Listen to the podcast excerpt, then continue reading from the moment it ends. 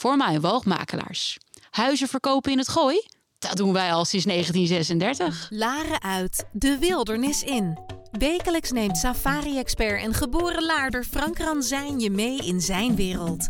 De wereld van ongerepte safarigebieden, de Big Five en de cirkel van het leven. Eten of gegeten worden. Een wereld vol safari-geheimen die hij met jou als luisteraar ontrafelt. Van de mooiste plekken om op safari te gaan tot de regels van de bush. Samen met prominente gasten uit de natuur- en conservationwereld neemt Frank je mee, Laren uit, de wildernis in.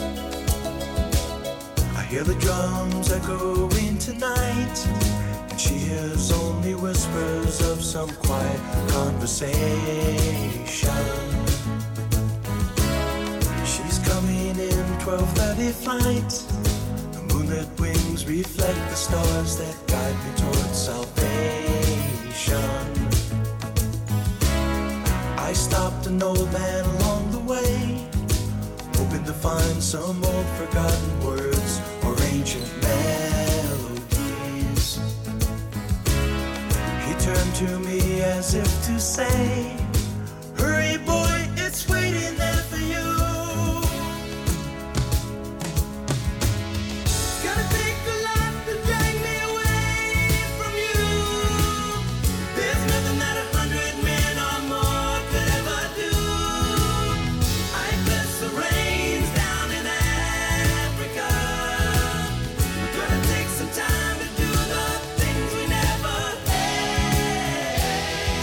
goedemiddag, beste luisteraars. Hier bij ons programma Safari Geheimen bij Dorpsradio Laren.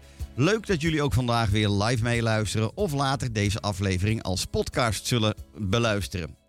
Ook vandaag neem ik, Frank Ransijn, oprichter van de kleinschalige reisorganisatie Safari Secrets, gespecialiseerd in nature conservation travel, jullie mee naar de afgelegen gebieden van Safari Afrika. Nature Conservation Travel. Het is niet meer dan bewust reizen tijdens je droomreis in Afrika of India. Met oog voor de natuur, het wild en misschien wel het meest belangrijk, belangrijke, de lokale bevolkingsgroepen. Reizen waarbij je uiteindelijk direct een positieve impact achterlaat. Jouw reis die zorgt er namelijk voor dat er banen ontstaan. En dus inkomen aan soms wel 50 mensen die afhankelijk zijn van iemand die in safari-toerisme werkt. Het zorgt voor sociale controle in de wildgebieden door middel van de dagelijkse safaris die jij als gast te voet of in een Land Rover maakt. Jouw park entreegelden en conservation fees die genereren inkomen voor het behoud van wildgebieden om deze uiteindelijk weer te bewaren voor onze toekomstige generaties. Ik hoop jullie als luisteraar uh, en mogelijke toekomstige of terugkerende Afrika-reiziger dan ook te voorzien van tips en informatie. En natuurlijk de o zo belangrijke safari-geheimen die je volgens mij niet zou mogen missen. Wanneer je niet in het droge en uh, niet in het drukke en platgetreden uh, gebied, uh, gebieden terecht wil komen. Vandaag heb ik een zeer bijzondere gast met wie we gaan praten over een ook wel heel erg uiteenlopende portfolio aan safari-plekken. Zijn naam Chris Roach. Deze man is wederom een van de echte safari-helden uit de Afrikaanse safari-historie. Die ik aan de tand mag voelen over een leven lang werken aan het behoud van onze prachtige wildgebieden in Afrika. Well, it's about time to introduce my guest of honor of today. So he also knows and understands what we are talking about this very moment. Chris Roche, co founder of Wild Expeditions Africa, a man with more than 25 years' experience in the Africa ecotourism and conservation space. He was more than 25 years ago one of those landmark pioneers who was involved in two major and very well known safari companies like Beyond Safaris and Wilderness Safaris. In 2020, Chris decided to collaborate with a lot of fellows he knew from the industry for so long and Wild Expeditions is a collective of owner run safari camps and expeditions operating in very remote and difficult to reach destinations. We are going to fly today from Zimbabwe to Botswana to Ethiopia and even Madagascar. So let's see if Chris is there on the other side of our planet. Hi, Chris. Can you hear us? Evening, Frank. Yeah, good to good to chat. Thanks for having me. Ah, yeah. Uh, thank you so much for taking the time, Chris, to talk to us today. Be my guest of this episode of Safari Secrets. And it took a bit, it took a bit of time to get you on the show, but yes, we managed to get a yes from your end. Finally, after some time, after me pushing a little bit, maybe. Um, and and you just told me before the show started, um, you are in Joburg at the moment. How's the weather uh, in Joburg at the moment? Uh, pretty good. Um, it's great to have the summer rain starting. I just wish that they were falling more over Hwange at the moment in Zimbabwe, where it's very dry. Ah, okay. So because I see a lot of rain uh, falling uh, on, on, on all different areas in Africa at the moment. When I when I check the Instagram uh, post every every single day, uh, but not in Hwange yet. So you are at least in better better uh, weather conditions than we are. We are here in at the moment the most lousiest weather in the world. Autumn in Holland. It rains. It's cold. It's windy. It's just not fun. So I wish I was at your end of the world. Um, I was going to say it's a, a, good reason to travel to Africa. Uh, actually, I am this weekend. I am oh, actually because uh, one of those trade shows is coming up, eh? Africa's Eden, where I'm all. Uh, oh, perfect. yeah, I'm all attending that one. I hope we'll that. See you there. Yeah, uh, I, I you are there yourself. Yes. Cool. Oh yeah, we have a meeting. I think. yeah, true. We have a meeting. okay, uh, Chris, let's start away. Let's uh, let's start about talking uh, about wild expeditions because that's what I uh, like to hear from you. Um, but hmm. first of all, tell us a little bit, and the listeners, of course, um, where are you born and how you, how did you ended up in the African bush anyway? I'm South African, um, and look, I mean, I think probably most people you talk to, certainly just about everyone in the industry, you know, you growing up in Africa, regardless of where you grow up, you're exposed to nature in some form. Um, and you know, you know, my parents were obsessed with the bush, and my grandparents were the same, and grandparents farming, and so nature was just always there. Um, and I, yeah, I mean, I've been bird watching. I, I don't know since I, I don't know since I could hold binoculars. Mm-hmm.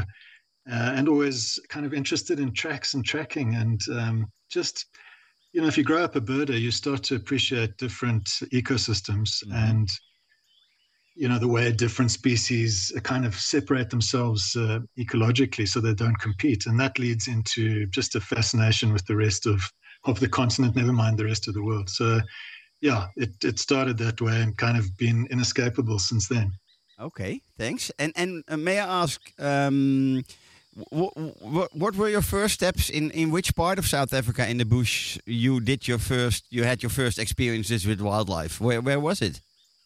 Um, all over, uh, mostly in Limpopo province, yeah, um, yeah. just south of the Zimbabwean border. So in mm-hmm. Soutpansberg, around Pafuri, Shingwedzi, um, and then later on in di- different parts of northern KwaZulu Natal, the Kalahari, grassland, highland grassland in say around the Steenkampsberg, so all, all over the place all in South Africa. Place. And then of course, yeah, and then of course uh, that grew to um, exposure to to other countries in Southern Africa, and then East Africa, West Africa, and so on. Yeah, and am I right that uh, you started within the industry? Uh, with with your um, uh, guide training, and you started as a guide. Am I correct?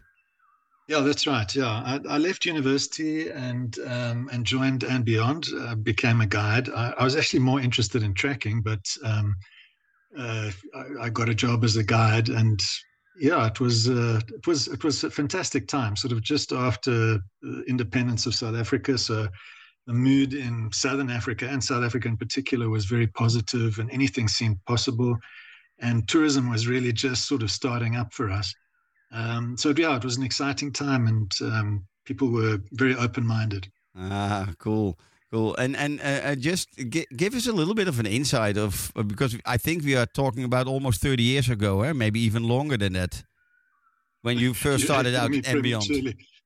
You're edging me prematurely. No, I uh, it's probably twenty six or seven years ah, ago. Okay, How were those? Yeah, how, so- how were those, those days in those early stages of of the, the, the what we know as modern safari tourism at the moment? How were those days? They were fantastic. I, I think um, you know people were were a lot less uh, at the t- at that time were a lot less obsessed with things like the big five. So No. they were open minded about what they were going to see. They were interested in everything. Guides were expected, like like you still have in Zimbabwe and, and Botswana and, and mhm. lots of other countries. Guides were expected to be experts at everything. So from butterflies and grass through to culture or stars or the soil. And uh, you could have spent half an hour with a leopard tortoise as easily as you spent half an hour with a leopard. Yeah. So Yeah. it was it was interesting. People were, I guess, adventurous and uh, and already uh, interested in all parts of nature. So it was a it was a fun time. Okay. Were people less demanding in in what, or especially when they talk about expectations? Were they? It's a little bit what you say, I think. Eh? They were a little bit more open-minded at that time. Yeah, look, I think we were a bit unsophisticated then. South Africa had been such a pariah in the world. I think if people had been demanding, we didn't probably notice. But uh, But uh, no, I, I think definitely uh, people have become more demanding. Of course, prices have increased, the level of sophistication's increased, the level of luxury is increased. Yeah. And um, because people's expectations now are kind of um, born out of, uh, you know, marketing and uh, brochures and websites and documentaries and so on, they've got a very strong sense of what they want to experience. Yeah. And and may I And I ask? think that does, yeah. Oh, sorry. Go yeah, on. Go on. I think that does translate a little bit to to expectations, but of course, um, there's such a wide range of of uh, companies and uh, levels of luxury in the industry. It's just about, and this is where a, a company like Safari Secrets is so important. It's about matching the guest or the traveler with the right exper- experience. Yeah, you're you're right, and and thank you for that. To um, that's what I'm trying to do at least. Um, and may I ask just one more thing? Be, being with Mm. in the early in the early years, being involved with And Beyond, were you also involved with almost the start of uh, the whole the whole Phinda project? Just just afterwards, but yes, I, I started at Phinda and then moved on to the ah, okay, Kruger. okay. But Because yeah, Phinda was at the time. Yeah, it was it was exciting. I mean, that's ex- that's very much what I'm kind of talking about. Anything was possible. So you went and took an old uh, wildlife hunting farm combined with a with a pineapple farm combined with some other kind of resort, and you literally could completely uh, rewild it and turn it and turn it into something very exciting. And so at the time, it really did seem like the like anything was possible, and that we could turn back. I think that we could turn back time almost uh, and and recover a whole lot of land that had been uh, let's let's say um, abused by by man and Mhm. and kind of unsustainable farming practices and what have you. So yeah, Phinda was definitely an influence uh, in in terms of my thinking and in, in Yeah. terms of what I thought could be possible. And and and when you look at it now, it you we can say that Phinda is probably still one of those success stories within conservation, eh? From from Absolutely. I mean, recently they provided white rhino for for reintroduction into Rwanda, into DRC. yeah. And it's been a it's been a fantastic success story. Yeah, yeah, wonderful, wonderful. And then I think we hit the time of uh, that you, with some fellows, were pioneering the whole wilderness safaris um, company. You were there from the start, I think, eh? Not, not from the be- absolute beginning. I joined a bit later, but when they've sort of, I mean, so it started in in uh, wilderness started in Botswana in in '83, Mm-hmm. and then I I joined um, I think 2004 or so. So it it, Oh, it okay. had taken a long time to to get developing, but it was one of the first companies that really took a stand, I guess you could say, uh, in terms of having a, a, a purpose to Safari, in terms of having a mission as to what they were trying to do Yeah, uh, as opposed to just having a you know a, a holiday. Um, and so yeah, I suppose that was uh, in between And Beyond and and wilderness. I went back to university, did a master's in springbuck ecology, kind of inspired to try and turn the Karoo around in South Africa and reinstitute that migration, which has been extinct since the late 1880s. mm-hmm. But um, yeah, I quickly got back into safari tourism, and wilderness was was um, yeah, it was an exciting time as well. It, a really interesting company in that they started with not much at all, not a lot of funding, not a lot of anything really, except a little bit of experience and certainly a dream and passion. yeah, Yeah. And um, And, and and look, grew out of Botswana into Zimbabwe, into Namibia, into Malawi, Seychelles, South Africa, Congo Brazzaville, uh, yeah, Zambia. yeah, And so it, it, again, it was uh, I think it, it was a bit of a collective of of guys who uh, were completely passionate and quite idealistic, but also some practical guys who made sure the business worked. yeah. and um, yeah, and they, they did amazing things and still are. Yeah, exactly. Look where they are now and how um, yeah successful they are, and very high end uh, safari um, product, of course. Um, Yeah. But then um, in 2020, 2020, sorry, you uh, w- uh, you are a co-founder of the very or the relatively young Wild Expeditions Africa company. What what was the main reason to start this company, Chris? Can you tell us something about that? Yeah, I, I mean, it's interesting. We're going, we're going to capture the beginnings of my career, and I suppose that it all led to Wild Expeditions in the sense that I I was always obsessed with the idea that ecotourism could and should do good things. That it was a new kind of capitalism that redistributed wealth, let's say, put wealth back into communities and back into uh, national parks or protected area agencies that that wasn't an extractive industry. That was something that really put back. And um, so after whatever it was 25 years i guess with And Beyond and and wilderness i um, i felt that uh, the industry needed to go further. Mhm. it's very successful in the savanna parts of east and southern africa where wildlife is obviously uh, big. It's uh, charismatic. It's quite easy to see. It's easy to photograph. You can see it from a vehicle. Mhm. Those countries are quite accessible. They're Mhm. stable democracies with good uh, air access. And they're well known and branded in, in the Northern Hemisphere, so in Europe and, and the US, for Mhm. example. So, um, and so ecotourism has been really successful there and has, has really changed the face of conservation in those areas. But still, no one was really pushing beyond that. So, Wilderness had done some stuff in Congo Brazzaville. Uh, a guy like Rod Cassidy had done stuff in Central African Republic, uh, and and there was a little bit going on in Madagascar and so on. But I, I I just I just felt that you know if if we at the moment we obsess about lions and rhino and elephants and so Mhm. on, Mhm. and there are a whole host of species. I mean, if we just relate it back to biomes, so the savanna is a biome. Mhm. Uh, and there might be a couple of different kinds of savanna across the biomes of Africa, but let's say there are only 14 biomes on the continent. Yeah. There's something like 120 different ecoregions. Mhm. And in each of those ecoregions, there's a, a distinct and unique grouping of fauna and flora. So, so, for example, in the Ethiopian highlands, you have high levels of endemism, really interesting large mammal species and small mammals and frogs and chameleons and butterflies Mhm. and so on Mhm. that only occur in that ecosystem. And so, if ecotourism is really going to make a difference to conservation in Africa, we have to consider the areas beyond the savanna. And that really was the, the primary driver for us. So, Madagascar was our first move. And you know, uh, you, you need uh, you need for there to be. Obviously, I, I'm I'm not trying to take people to um, a, a, very niche place where there's something that only specialists will be interested in. Mhm. So we looked for basically conservation uh, priorities uh, and and looked to see if there was a potentially a commercially viable business. Madagascar we thought was one, and uh, and our purpose there was in was really in going to to um, conserve land, uh, rainforest in our case, and to use tourism in order to do it. Mhm. And then from there we went across to Ethiopia, and that was about the the high the high altitude uh, plateau in in in, this, in the highlands there, Yeah. and about Ethiopian wolves, and about mountain inyala and gelada and ibex and so on, Mhm. and uh, and also the cultures of the Omo Valley. And then from there we moved into Zimbabwe, and now we we're moving into Botswana. Also, those would be obviously a bit better established destinations Mhm. And we are but our, our intention in going there is also to push the boundaries a little bit. So to go to the edges of the protected areas where uh, there's potentially conflict between people trying to rural people living in uh, living with wildlife and living with the costs of living with wildlife.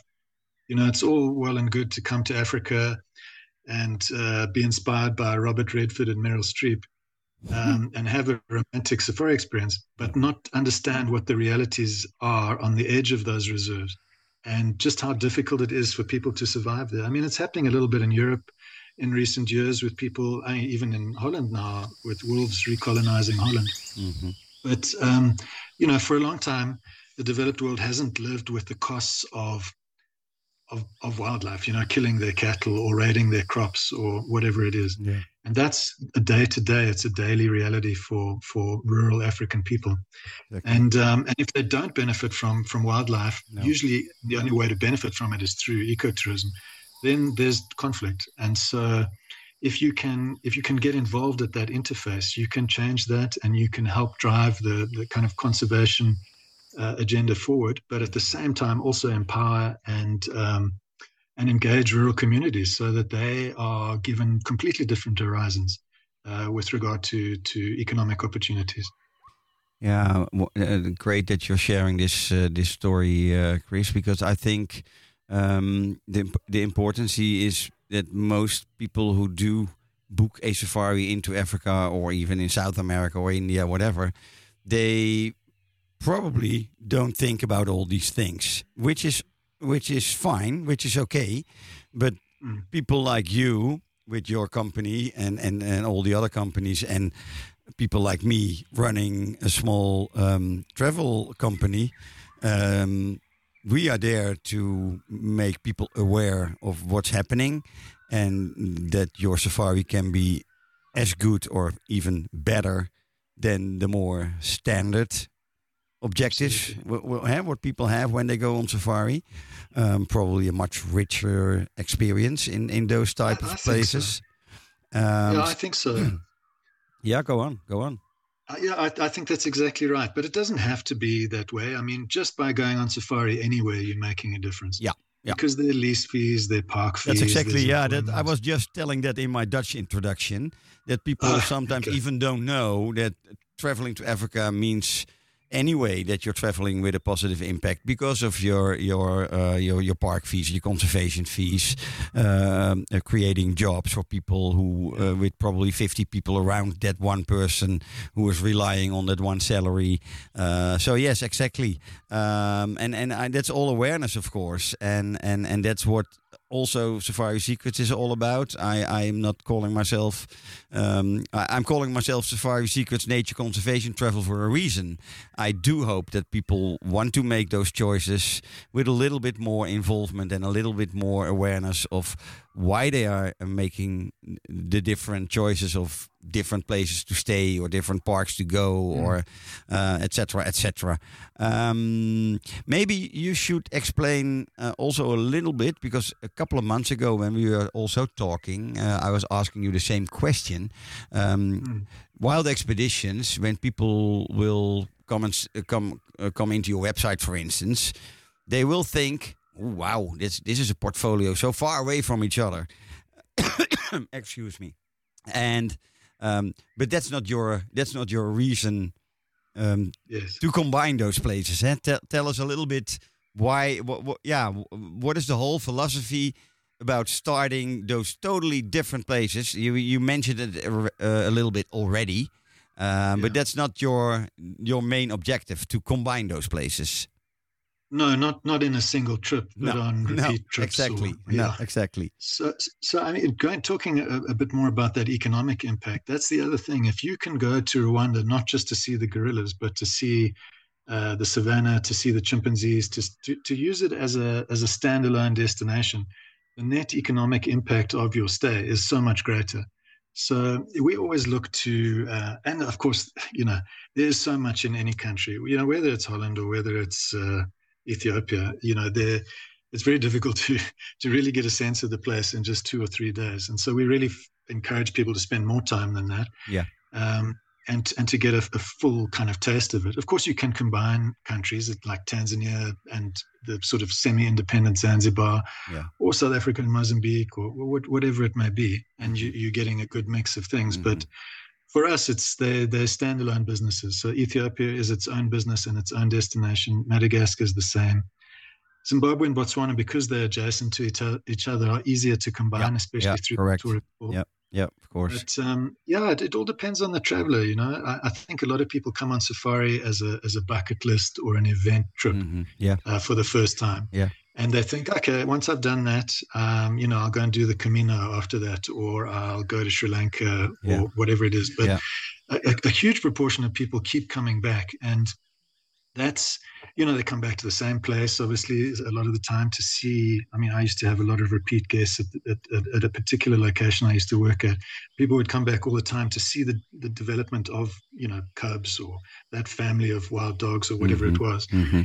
But more and more i think people are and the world's in an interesting place you know? We i think um you know when we when we look back in 100 years you'll you'll be able to pinpoint uh sure the beginning of of this century as a as a reasonably unstable time that then ultimately led to a couple of wars that we've got on at the moment Mhm. and um, and I think obviously although that's a bad thing and, and it's impacting economies and and obviously people's lives Yeah. it's also forcing us to to consider what is important Mhm. I, I think people had time to do this during the pandemic as well Yeah. what is important and what if you're choosing to do something i mean you know this expression uh, every dollar you spent is a vote for the kind of world that you want you can buy uh, i don't know something unsustainable developed in a sweatshop or you can buy something hopefully at the same price but from a different supplier who actually can prove to you the positive benefit from that Exactly. from that article Yeah. or, or, or supply chain. Yeah. And I think that's that's the thing. You know, we really want people to see Africa as more than just the savannah,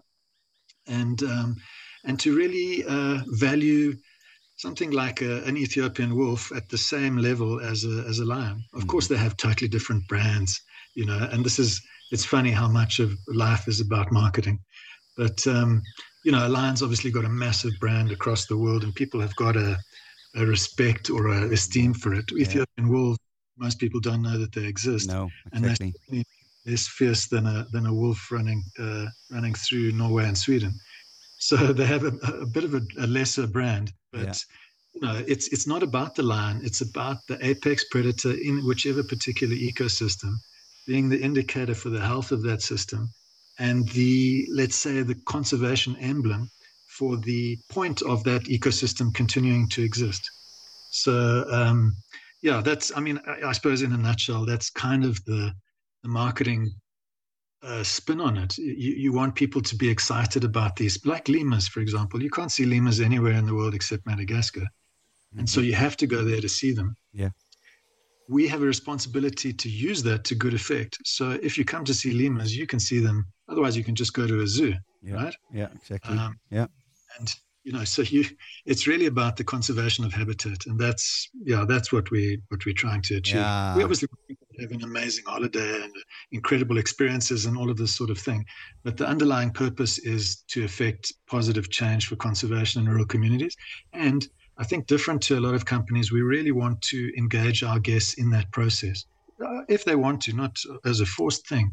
But so for example the new project in botswana um, has got some fantastic game viewing, but only 30 kilometers away is a, is a small rural village that has uh, maybe three or 400 cattle. Mhm. Now, those cattle, they lose probably 40 or 50 a year to, to lions. That's a massive, massive, I mean, that in, in, in the African context, that's like having your, your net worth, whether it's in the bank or your house or the whatever.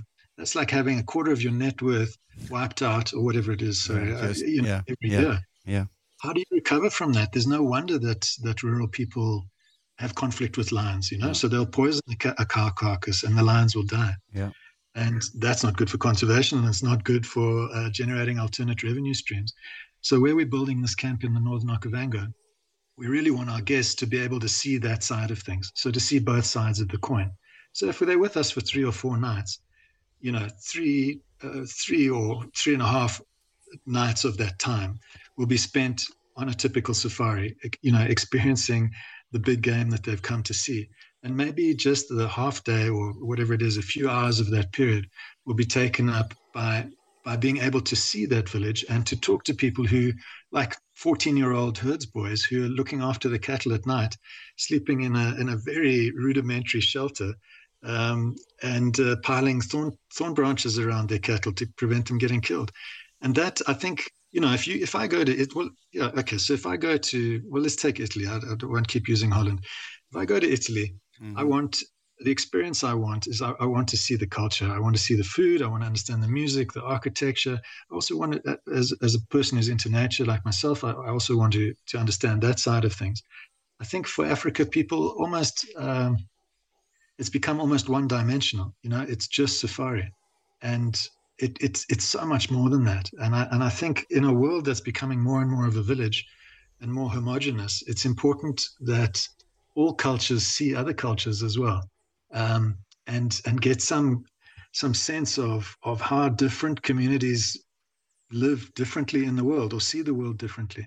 I'm sorry if this is getting a bit um, philosophical. No, no, no, no. I, I like no because I like to go um, uh, into these type of discussions a little deeper, Chris. Um, we can talk about beautiful beds, as I always call it, as long as yeah. we want. Um, but there is a deeper meaning of, of trying to conserve whatever uh, needs to be conserved. So no, no, I like I like the way you're talking about this, and and um, you're talking now about your newest um, your newest project within the portfolio. Eh? If I'm right, it's called Karangoma. That's the one, yeah. And if I'm also right, the the, the whole project is a little bit, yeah, maybe I'm, and now you should correct me. If it's if it's it is quite based around a certain person within that community, a San a San guy, eh? Am I right? Yes. Yeah, that's right. So our, our partner is a guy called Ola Serefo. So he's half Bukakwe San and half Hambukushu. So those are two sort of indigenous cultures, small small communities. Mm-hmm. I mean uh, I think the total number of uh, Khwe speakers in the Bukakwe San is, I don't know, it might be 3,000, yeah. something like that. So it's, yeah. a, it's a very small ethnic group. Um, yeah, and I, I, look, I think Ola's an inspirational guy. He started as a safari guide around the same time I did. Uh, was the first San uh, Bushman to do that uh, from his community. Yeah. And um, and yeah, he's gone really. He's done amazingly well. He's he's built his own career and his own business and what have you. Mm-hmm. And we got together on this new project, and I just I've been so inspired by his story, his culture, and and the fact that there's you know there's this ethnic group of 3000 people living in the north of botswana about which you can find almost nothing on the internet mm-hmm. you know so so there's very little written about them one of the things so obviously the camp is about wildlife. I mean, you, you can't you can't have a business. I'd be wasting Ola's time if we started a business without wildlife there. Um, but you know, the point is obviously to use that camp as a as a means of injecting money into the community. Yeah. The same way you said earlier. So through employment, and then every person in that village is probably supporting between seven or eight additional people. Yeah, so yeah, yeah. employ, you know, families. You know, and um, so the game viewing is excellent. We're really excited about it. Fantastic densities of zebra, like four times higher than than in other parts of the Okavango. Oh, really? It's crazy. Really? Yeah, crazy. And this is an area that's been used by the community for subsistence hunting illegally, but mm-hmm. um, and for grazing cattle. And they've they've now moved the cattle out of that into much further north to that 30 kilometers away. And so you've got this great wildlife product. But in addition to that, you've also got this fascinating story where um, you know, there's like San instruments, the the you know the the mouth bow or the thumb piano or these sorts of things, or even just sitting around a fire at night, like karangoma. The name karangoma, ngoma is a drum, uh, and it's a drum in many cultures, and it's usually ngoma usually refers to a drum that is uh, you know of spiritual or uh, political importance. Mm-hmm. And um, karangoma itself refers to a place where Ola's grandparents and parents used to go and dance and sing and basically trance mm-hmm. in order to heal the sick and in order to kind of wish good fortune on on their family on their clan. And that's you know we so we i love the name. I, I think it's you know we always got to worry about uh, whether the names are easy to say you know um, and don't start with x's and have clicks in them. But um, it, this one is easy to say, but it also has a powerful meaning. And that's essentially what we want people to experience when they come and stay with us is, is some sort of sense of harmony with nature, mm-hmm. but also some sort of sense of discovery and harmony with, with, with rural people in this very obscure traditional ethnic group. Are, are they so, are they still are they still living as hunter gatherers? Um, they're or, certainly uh, not or not this not this community. No, they they do, but it's it's it's uh, it's it's not uh, legal. Ah, okay. Um, so it's it, it, no one lives like that in this particular village. No one lives like that hundred no, percent okay. of the time. No, okay. Yeah. No, okay. So they've taken on other cultures and customs, Yeah. of, of course, but uh, but this is also the pity, you know. So you've got even Ola uh, as a mix of Hambukushu and Bukakwe. Yeah. Um, you know, and so the lingua franca is Setswana rather than Khwe or rather than Sembukushu. Mhm. Not, not in this particular village, but in so many other villages. Yeah. And so, if we, uh, you know, I think in the same way that tourism can help um, uh, make wild areas relevant for conservation uh, and and people, you know, through tourism, they can do the same for for ethn- ethnicities and cultures and traditions. So, the San obviously well known for tracking skills, for being able to track animals on Yeah, yeah, yeah, yeah. the- Exactly. Yeah. the obvious one, and we we want to we want to kind of you know celebrate these skills. That's Yeah. that's one that makes a lot of sense commercially and whatever. You need to see animals, you need to find them in the first place. And and The as a guest, as a guest, you will um, you will visit the, the community and, and get get in touch with their with with their culture, etc. Yes, ex- exactly. Yeah. So, I mean, just just on game drive and in the camp, you'll be able to to engage. So the staff all come from this community. Yeah. Okay. Yeah. Um, yeah. s- yeah. So you, you know, it's, it's, I love it when when when we started a camp, a very uh, a lodge, let's call it, a, a very high end lodge in Rwanda. I don't know, five six years ago, hmm and uh, in the and so we trained the staff from scratch because there was very little uh, hospitality skill in that Mhm. community. hmm And I came into the lounge and the bar one one evening, uh, just before dinner. Yeah. And I found the barman sitting at the bar on the on the guest side of the bar, Mhm. having a drink with the guest. Mhm. And I thought, my God, he he didn't pay attention in the training, but I loved it. It was it was so um, spontaneous and Mhm. natural and genuine and. Um, and I'm sure the guest was surprised when this guy poured himself a drink and came around and sat down. yeah. No, That's not typical. That's not typical behavior. anywhere in the world. And I mean, this is a camp that costs probably now close to three thousand dollars Yeah, per I person per night. I know exactly what which camp you're talking about. It Yeah. must must be Bisate. Yeah, it is. It Yeah. is. And, and I mean, I, I this this barman, I, Claude, was just I, I just loved it. And and I suppose I started thinking then, you know, that there must be a different way to do this. We don't have to. It doesn't have to be crystal glasses and silver service. You know, when I travel, I love the the the spontaneity and just the happy accidents that you have when you meet someone on a bus or you buy fruit from someone at the side of the road or whatever it is and um, you know that, that those are the moments that we try to recreate in our camps so that not that they are contrived but so that we provide the circumstances where this can happen you know Nice. um, so in in camp, I you know I, I, did some work for the Uganda Wildlife Authority last year, Mhm. and I was staying on the edge of Bwindi in a very rustic lodge, so like 80 dollars a night. And um, I was sitting by the fire having a drink, and the security guard was putting wood on the fire. He was an old guy, tatty clothes, and uh, he sat. I said good, good evening. He didn't speak English. I sat down. Next thing you know, he's playing his his zither. It's a it's a traditional instrument there called an inanga. Yeah. And um, this guy started singing, and eventually I got the the barman or the waiter to come and translate for me. He was one of eleven guys in his in a cluster of villages that probably comprised somewhere between three and five thousand people. He was one of eleven guys who still made and played traditional instruments. Oh, Now, wow.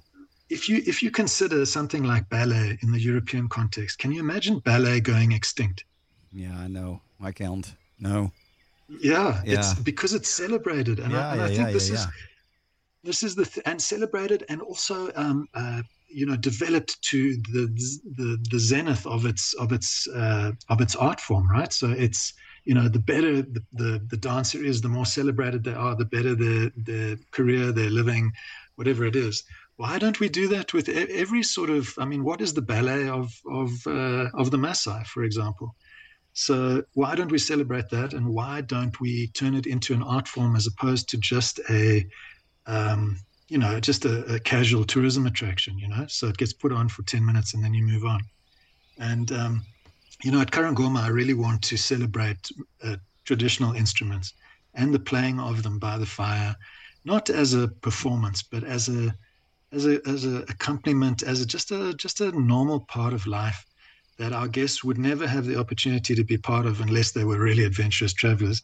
Um, but but that we can try and make those those those moments happen uh, in a in a more uh, first world environment, so to speak, if, if, you know what I mean. Yeah, yeah, yeah. And and this is a very nice uh, little bridge to a just a very small intermezzo. Uh, we are doing one little song, uh, Chris, and then we uh, talk further. Okay?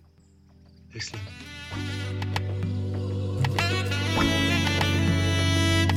Good morning, Takara. One time. Okay. Okay, okay, yeah. DJ. I'm just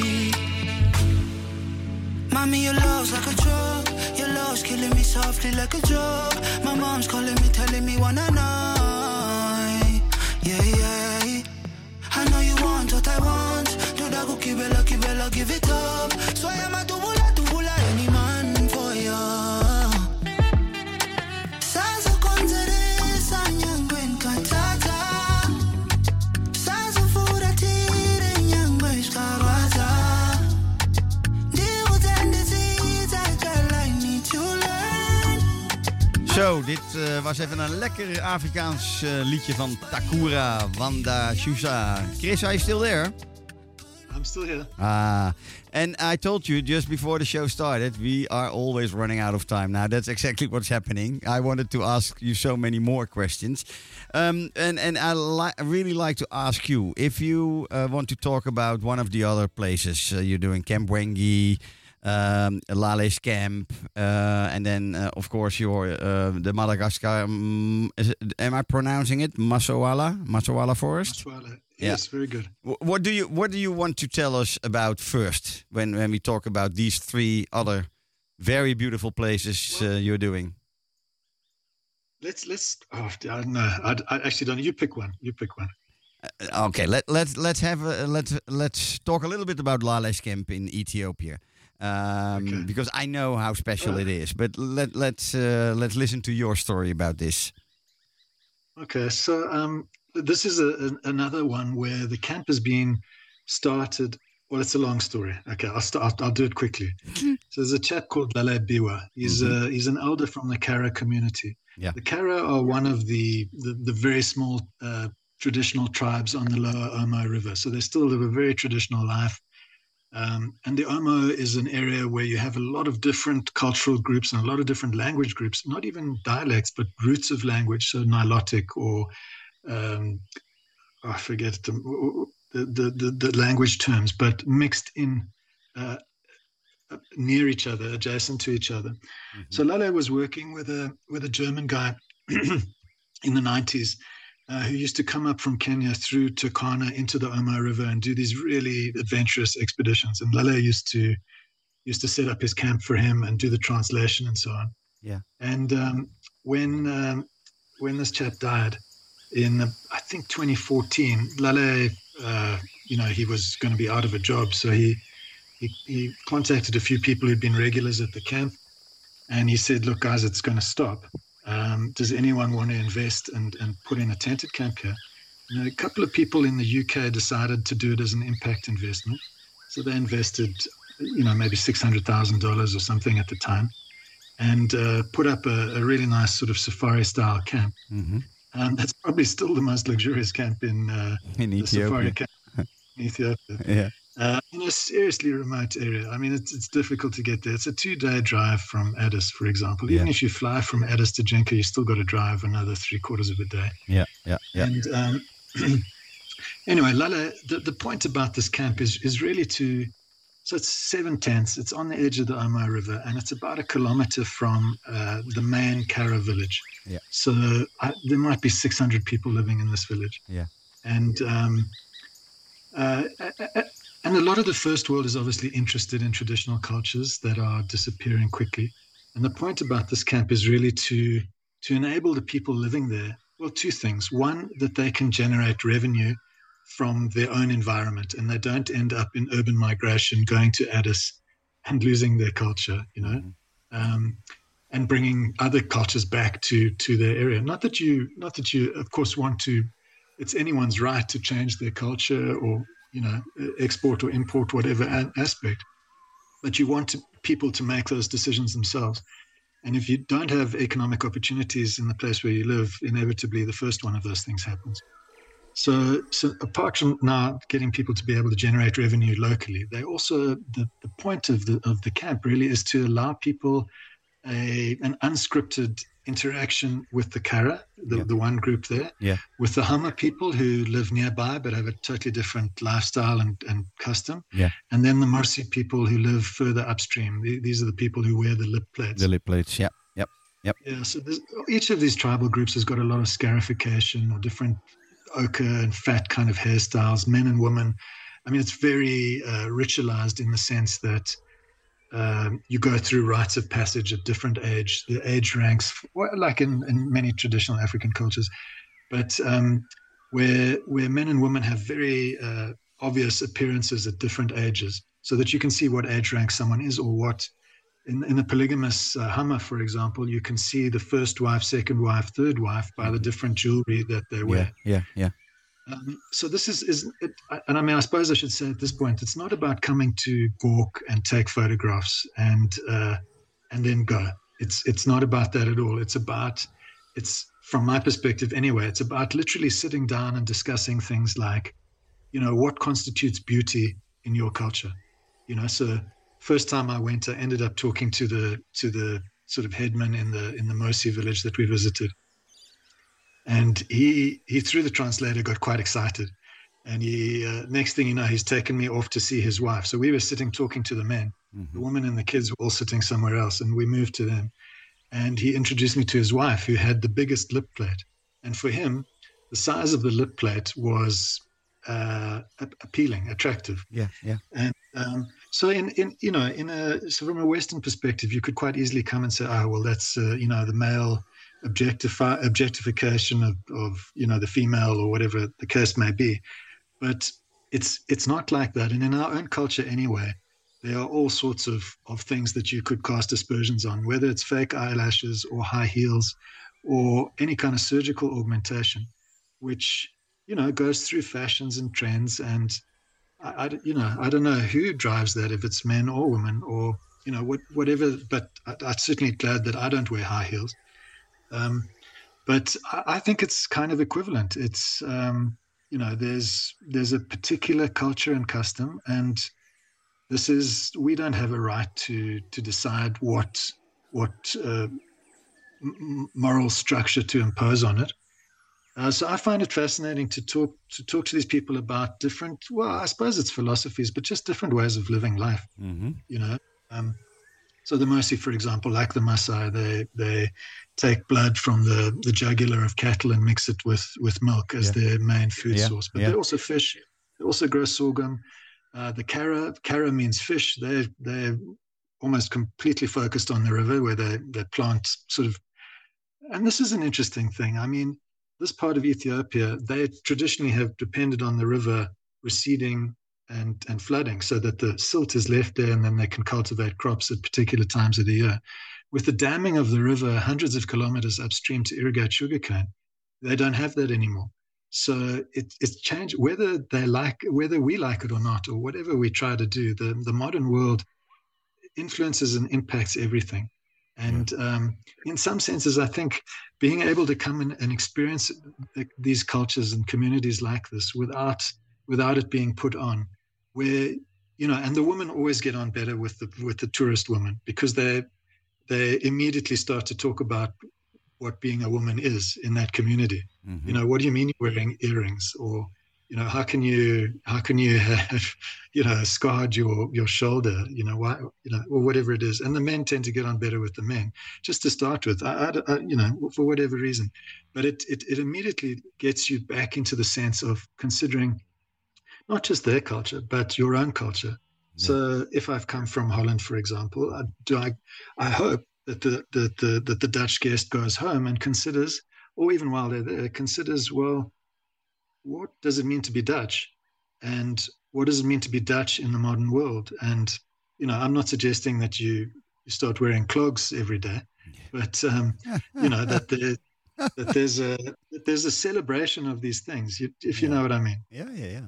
And I think this is one of the most um, yeah, what's the right word for it? It's the most colorful. It's the most um, exotic in a sense. Yeah, yeah, but also um, uh, impressive experience. I think to to just mm. be within that culture, be within or amongst them, and and um, it's not for the faint-hearted. I think, eh?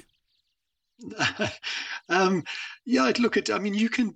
It depends how you do it. I mean, not everyone wants to be there to see the goat get slaughtered. Um, yeah, but so also the story is always about uh, those guys are always wearing those uh, AK-47s and shooting uh, all yeah. over the place, and that that's the stories you always hear, of course. Yes. Okay. So you look, every man does have an AK-47. Yeah. And they they have them to protect their cattle from yeah, yeah, yeah. Other, other tribes, but also from from lions. So where we camp with the Mursi, we do often hear lions calling at night while we're camped with the Mursi, yeah. um, who've brought their cattle to the river, you know. And so again, there's a reality there. But yeah, I'd say from a not from the faint-hearted perspective. So the Hamer and the Kara, they both have a bull jumping ceremony as the rite of passage yeah. for young men. Yeah. And at the same time as that, all the female relatives of the man going through the initiation or the rite of passage are whipped um, I know that sounds crazy, but are whipped to the extent that their skin splits and they bleed. Yeah. And the the point about this, from the female perspective, is the demonstration uh, of the lengths to which you will go to support your male relatives. Yeah. And so that often is something that our, you know, first world people don't want to see. Um, and it, you know, it, it is quite yeah, it's it's shocking. It's it's brutal. Yeah, but, and but I, you, I, found the right word. I think it's just a very enriching experience. Yeah. It's enriching your life. I think when you experience this part of the world and this culture. Um, well, if you think about it, Frank, I mean, we, we all watch this. I mean, all Dutch people speak amazing English, and uh, you know, and and so I suppose you, like American TV, the whole world watches American TV. What do we see? We all see the same things. We're all being fed the same kind of modern cultural yeah. societal yeah. things yeah. and then it takes a while i mean i'm sure these things existed in europe 300 400 years ago mm-hmm. dark ages or whenever that was you know yeah but um but we've long since left that behind but in, in africa there are places where you can still experience that and you know more than just a, a novelty as i say i think it's an important um shock in a, in a sense yeah. of, of yeah, bringing exactly. you back to consider what life's about. In a, in a positive, a shock in a positive way. Yeah, yeah, yeah. Um, where will um, because you will hear in the background some music already. That's always uh, the sign to me uh, that I only have a couple of minutes left. Um, where will um, um, let let's let's say it this way: Wild Expeditions. It's all about conservation. Where will um, or what will, what are the future plans for Wild Expeditions, for instance? And where do you think conservation travel will take us to in in the nearby 10 years or even longer what do you yeah. what do you think chris well i think where we where we go i think we need to consolidate a little bit so mm-hmm. you know there there are many places in ethiopia that need um, you know that need the sort of thing that we're doing at Lale's.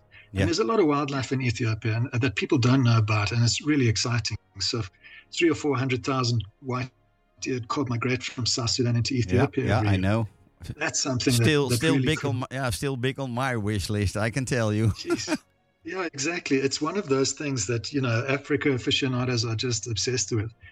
Um, so there are things like that. Uh, So I think for now, those four countries that we're talking about, we are looking at other countries, and I'd love for us to go to a place like Cote d'Ivoire uh, in West Africa. So it's francophone, so the typical tourism companies haven't invested there. But there's incredible creatures like pygmy hippos and stone tool using chimps. But that's, I think COVID has has also made us realize that we we can't go too far too fast. Um, and um, Step so by we, step. we need to const- Step by yeah, step. exactly. That's exactly what I'm the trying to. Yeah.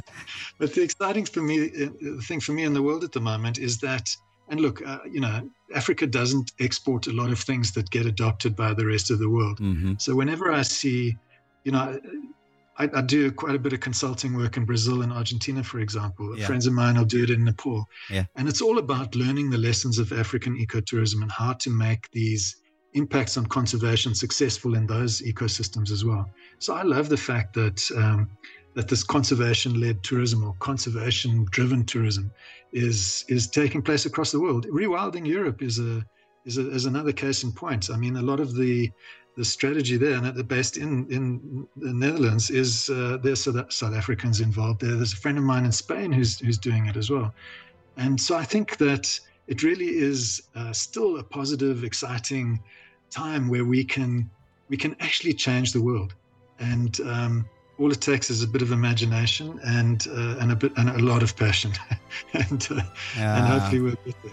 Thanks, thanks for all the stories you are telling us, uh, Chris. May I thank you for being guest on the show today, and uh, wonderful, wonderful to hear about wild expeditions. If uh, my uh, clients will ask about it, I will of course uh, try and tell them more and and uh, explain more. And um, we will see each other in a couple of days. And uh, Yes. have a wonderful evening, Chris, and talk to you later. Thank you very much, Frank, Thank and you. thanks for the opportunity to chat. Thank you so much. En voor de luisteraars, ik wens iedereen een hele fijne avond. Dank weer voor het luisteren vandaag. En eh, de komende twee weken zijn we er niet, want ik ben inderdaad eh, Zambia, Botswana.